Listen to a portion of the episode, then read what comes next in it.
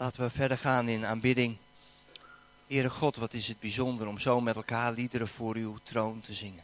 Dat u hier bent, dat u hier aanwezig bent. En we zegenen uw heilige naam.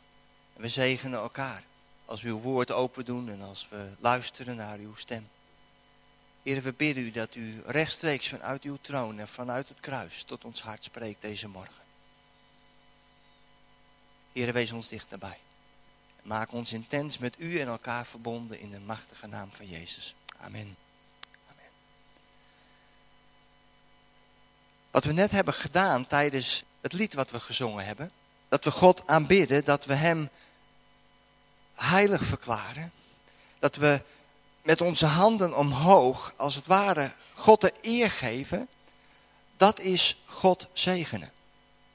En vanmorgen wil ik graag met jullie nadenken over wat de Bijbel zegt over het zegenen van God en het zegenen van mensen, het zegenen van elkaar. Weet je, er zitten een aantal tieners hier. Misschien herinner je dat je vader en moeder je vanaf jongs af aan de handen oplegden, s'avonds voor het slapen. En die woordjes zeiden, ik zegen je in de naam van Jezus. Als we kinderen hier in de gemeente opdragen, vlak nadat ze geboren zijn, leggen we ze de handen op en zegenen we hen. Maar wat bedoelen we nu met het woordje zegenen? Wat bedoelen we als we dat doen? Het woordje zegen hebben we misschien talloze keren gebruikt en gehoord in ons leven. Maar wat betekent het nou? Wat betekent het nou vanuit de Bijbel? Wat betekent het als God deze woorden gebruikt? Daar wil ik vanochtend graag met jullie bij stilstaan. Want we hebben net een zomerperiode gehad. Jullie zijn onderweg geweest met Petrus. Was het goed is iets van zijn nabijheid met de Heer Jezus ervaren en beleefd. En volgende week is het startzondag. Dus om dat vacuüm in thema's een beetje op te vangen, wilde ik vanmorgen heel graag met jullie nadenken over zegenen. Wat dat betekent. En we gebruiken het in ons dagelijks woord, dagelijks spraakgebruik ook wel. Het woordje zegenen. Anderhalve week geleden trouwden er vrienden van mij. En die vriendin van mij werd door haar vader weggegeven. En op het moment dat die vader zijn dochter weggaf aan zijn schoonzoon, gaf hij als het ware, als vader, zijn zegen mee in die nieuwe relatie. We kennen het woord ook wel iets negatiever, als we zeggen, nou, mijn zegen heb je. Iemand gaat voor het eerst op kamers wonen of gaat een tussenjaar doen na de studie. En het verbaast ons wat. En we denken van nou, is dit wel helemaal de juiste weg om te gaan? Nou, mijn zegen heb je. Dat zijn zo de woorden die wij in ons dagelijks taalgebruik gebruiken. Iemand zijn zegen geven, toestemming verlenen. Maar dat is niet wat de Bijbel bedoelt met zegenen. En als we het hebben over zegenen, hebben wij ook wel een beetje een probleem met onze vertaling, met onze Nederlandse vertaling.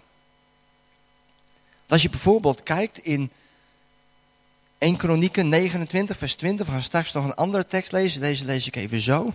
Daarna zei David tegen heel de gemeente, loof nu de Heere uw God. Toen loofde heel de gemeente de Heere, de God van hun vaderen, en zij knielden en bogen zich voor de Heere neer en voor de koning. Wij komen daar het woordje zegenen niet tegen. In 1 Kronieken 29 vers 20. Maar als je naar de Engelse vertaling kijkt, zegt David tegen heel de gemeente, bless the Lord.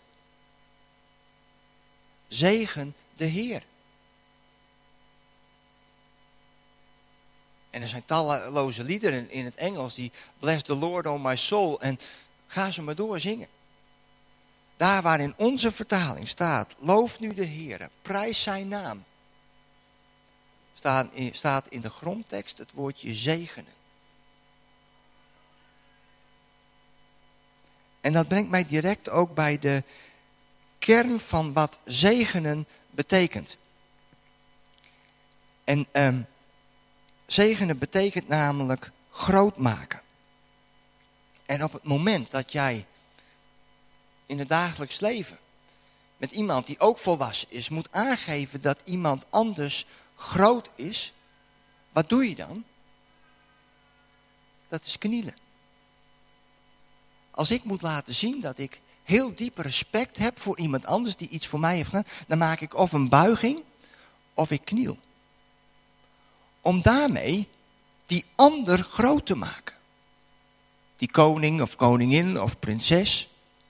Dan zijn we dat in het dagelijks leven niet meer zo gewend om te knielen, maar in de oudheid des te meer. En er zijn nog steeds, ook in andere godsdiensten, waarin het heel gewoon is om zodra je de aanwezigheid van God voelt, ervaart, om te gaan knielen. Om daarmee, als het ware, de grootheid van die ander te laten zien.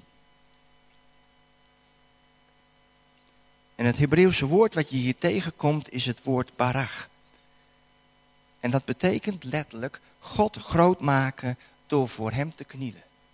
Dus op het moment dat we God zegenen, op het moment dat we hem aanbidden, dan maken we hem groot door, hem, door voor hem te knielen. En zo beleiden wij hoe groot en machtig hij is. Dat is het Hebreeuwse woord wat zegenen betekent en zegenen van onze hemelse God en Vader. Hebben jullie dat?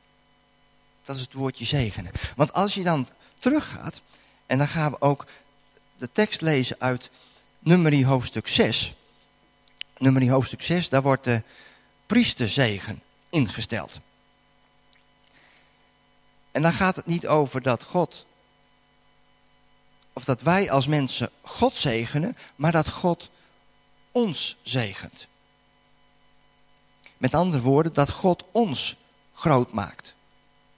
Daar gaan we over nadenken. Maar eerst gaan we lezen Nummerie hoofdstuk 6 vanaf vers 22 tot en met vers 27. Het zijn hele bekende versen die we waarschijnlijk, of die een aantal van ons zeker uit het hoofd kennen. De Heere zei tegen Mozes, zeg tegen Aaron en zijn zonen dat zij de Israëlieten met deze woorden moeten zegenen. Mogen de Heer u zegenen en u beschermen. Mogen de Heer het licht van zijn gelaat over u doen schijnen en u genadig zijn. Mogen de Heer u zijn gelaat toewenden en u vrede geven. Als zij mijn naam over het volk uitspreken, zal ik de Israëlieten zegenen.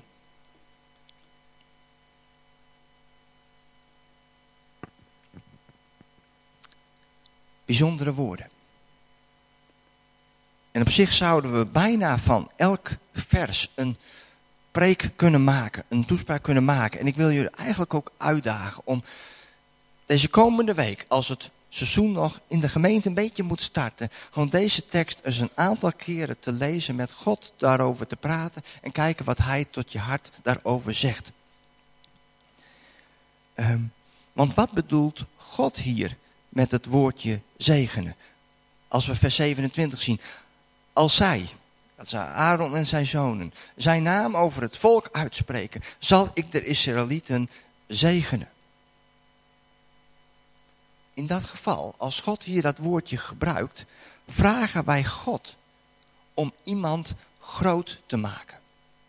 Op het moment dat wij kinderen opdragen en hen zegenen, vragen wij God om dit kind groot te maken. Fysiek, maar ook in alle geestelijke vaardigheden. Op het moment dat we hier nieuwe bestuursleden inzegenen, dan vragen we hun, vragen we God om groot te worden in hun levens. Dat iemand zal toenemen in vrucht dragen, toenemen in gezag, dat iemand zal toenemen in overwinning, toenemen in gezondheid als we voor zieken bidden en als we ziekenen zegen en de handen opleggen. En als we iemand zegenen die tekort heeft, zegenen we diegene met hemelse overvloed. Zodat alles wat in, die eh, in dat leven nodig is om dicht bij God te zijn, dat dat zal groeien, dat dat zal toenemen. Dat is het Bijbelse woord zegenen. En weet u wat ik zo bijzonder vind van Nummerie hoofdstuk 6? Dat zijn niet alleen die woorden, maar dat is eigenlijk de context waarin dit gezegd wordt. Want wat is de context waarop de Heer dit tegen Mozes zegt dat Aaron en zijn zonen het volk moeten zegenen. Als je eromheen leest en het hele boek Numeri leest, dan zie je dat Numeri gebruikt werd voor de dienst in de tabernakel. Dat was de woonplaats van God, terwijl het volk op reis was, van Egypte naar het beloofde land. Dat is een prachtig beeld ook van ons leven. Want ook wij komen vanuit Egypte, de wereld, en we gaan op weg naar het beloofde land. En ondertussen is daar die tabernakel, wordt die tent dan in de woestijn opgericht. En het is prachtig om in de Bijbel te lezen hoe de heerlijkheid van God die tent, ja, als het ware in zijn licht, in zijn nabijheid zet. En er is er in die tent één plaats. Plaats waar de ark komt te staan. Heilige der heiligen. Later komen we het in de tempel ook tegen, maar in die tent was het er al. En juist daar moesten Aaron en zijn zonen naar binnen gaan. Eén voor niet heel vaak. Maar zij moesten naar het heilige der heiligen gaan, daar in die tent, om verzoening te doen voor alle zonden van het volk. Dat gebeurde daar. En zodra ze daar geweest waren, moesten ze het volk zegenen. Met deze bijzondere woorden. Mogen de Heer u zegenen en u beschermen. Mogen de Heer het licht van zijn gelaat over u doen schijnen en u genadig zijn. Mogen de Heer u zijn gelaat toewenden en u vrede geven. Dat gebeurt dus op het moment dat de priester in het heilige der heiligen, en wij later bij het kruis van Jezus zijn geweest, waar volkomen voorzien, voor, verlossing en verzoening is voor alles wat niet goed is. En vanuit die basis dat alles goed is, krijgen Aaron en de zonen de opdracht om het volk te zegenen. Op het moment dat je bij het verzoendeksel geweest bent, wat daar op die ark was, dan is het 100% goed tussen God en mensen. En als het dan staat, mag de Heer zijn gezicht naar je toewenden. Dan krijgt dat een hele vriendelijke uitstraling. Want op het moment dat God vanuit een volkomen uh, verzoening naar ons kijkt, hoe zou die dan naar het volk en hoe zou die dan naar jou en mij kijken? Zou hij ons dan aankijken met ogen van veroordeling? Zou hij dan, zou je dan als het ware de voorwaarden in zijn ogen kunnen lezen? Als het net daarvoor helemaal goed is gemaakt? Nee. Op het moment dat het 100% in orde is tussen God en mensen. En God wendt zijn gezicht naar jou. Dan is daar volkomen vrijheid. Dan is daar volledige nabijheid. Dan is daar ultieme vriendelijkheid. En dan is er enorm veel energie en kracht om verder te gaan. En dat was toen. Maar dat is nu nog steeds. Dus op het moment dat wij elkaar zegenen, vanuit de diepe wetenschap, dat ons oude leven voorbij is en het nieuwe leven is begonnen, het nieuwe leven is gekomen, dan kijkt God ons niet meer aan met veroordeling. Dan kijkt hij ons niet meer aan met wat wij de afgelopen dag en de afgelopen week allemaal niet goed hebben gedaan. Dan kijkt hij vooruit. En dat vind ik ook zo mooi van dezelfde context van deze priesterzegen. Want op het moment dat het volk moest rusten, daar in die woestijn, terwijl ze weg, op weg waren van Egypte naar het beloofde land, was er even tijd om die tabernakel op te zetten. Dan was er een periode van rust. Maar vanuit die periode van rust wist het volk dat ze verder moesten gaan, dat ze verder moesten optrekken. En dat ze wisten dat ze dat niet alleen hoefden te doen, maar dat God met hen meeging. En als we aan het einde van de dienst, keer op keer, de gemeente zegenen, dan heeft dat ook diezelfde uitdrukking. We gaan vooruit met koning Jezus. zijn toekomst tegemoet. In de diepe wetenschap dat hij met ons meegaat en alles wat hij in ons gelegd heeft groot wil maken. Dat is wat het woordje zegenen betekenen als wij elkaar zegenen. En daarom is het ook heel gewoon dat als we elkaar zegenen, dat we dat met open handen doen. Want als ik u met open handen straks aan het eind van de dienst mag zegenen, en ik ga nu een beetje voor de meeste voor het kruis staan. U hebt echt niks aan mijn zegen. Totaal niks. Maar op het moment dat ik mijn handen open heb, geef ik daarmee eigenlijk aan dat de kracht van God en de volheid van God door die handen heen stroomt. Want het is God die jou zegent. God die u zegent. Ook zo aan het begin van dit seizoen. En dat betekent zegen. En dat komt ook voort uit het Griekse werkwoord uh, eulogio. En dat betekent goed zeggen. Met andere woorden, we spreken goed over die anderen. We spreken de volheid van God uit over het leven van iemand anders. En dat alles wat God in iemands gelegd heeft aan gaven en talenten, dat dat zich volledig tot ontwikkeling mag brengen. Nou, dat is wat we doen als we elkaar zegenen.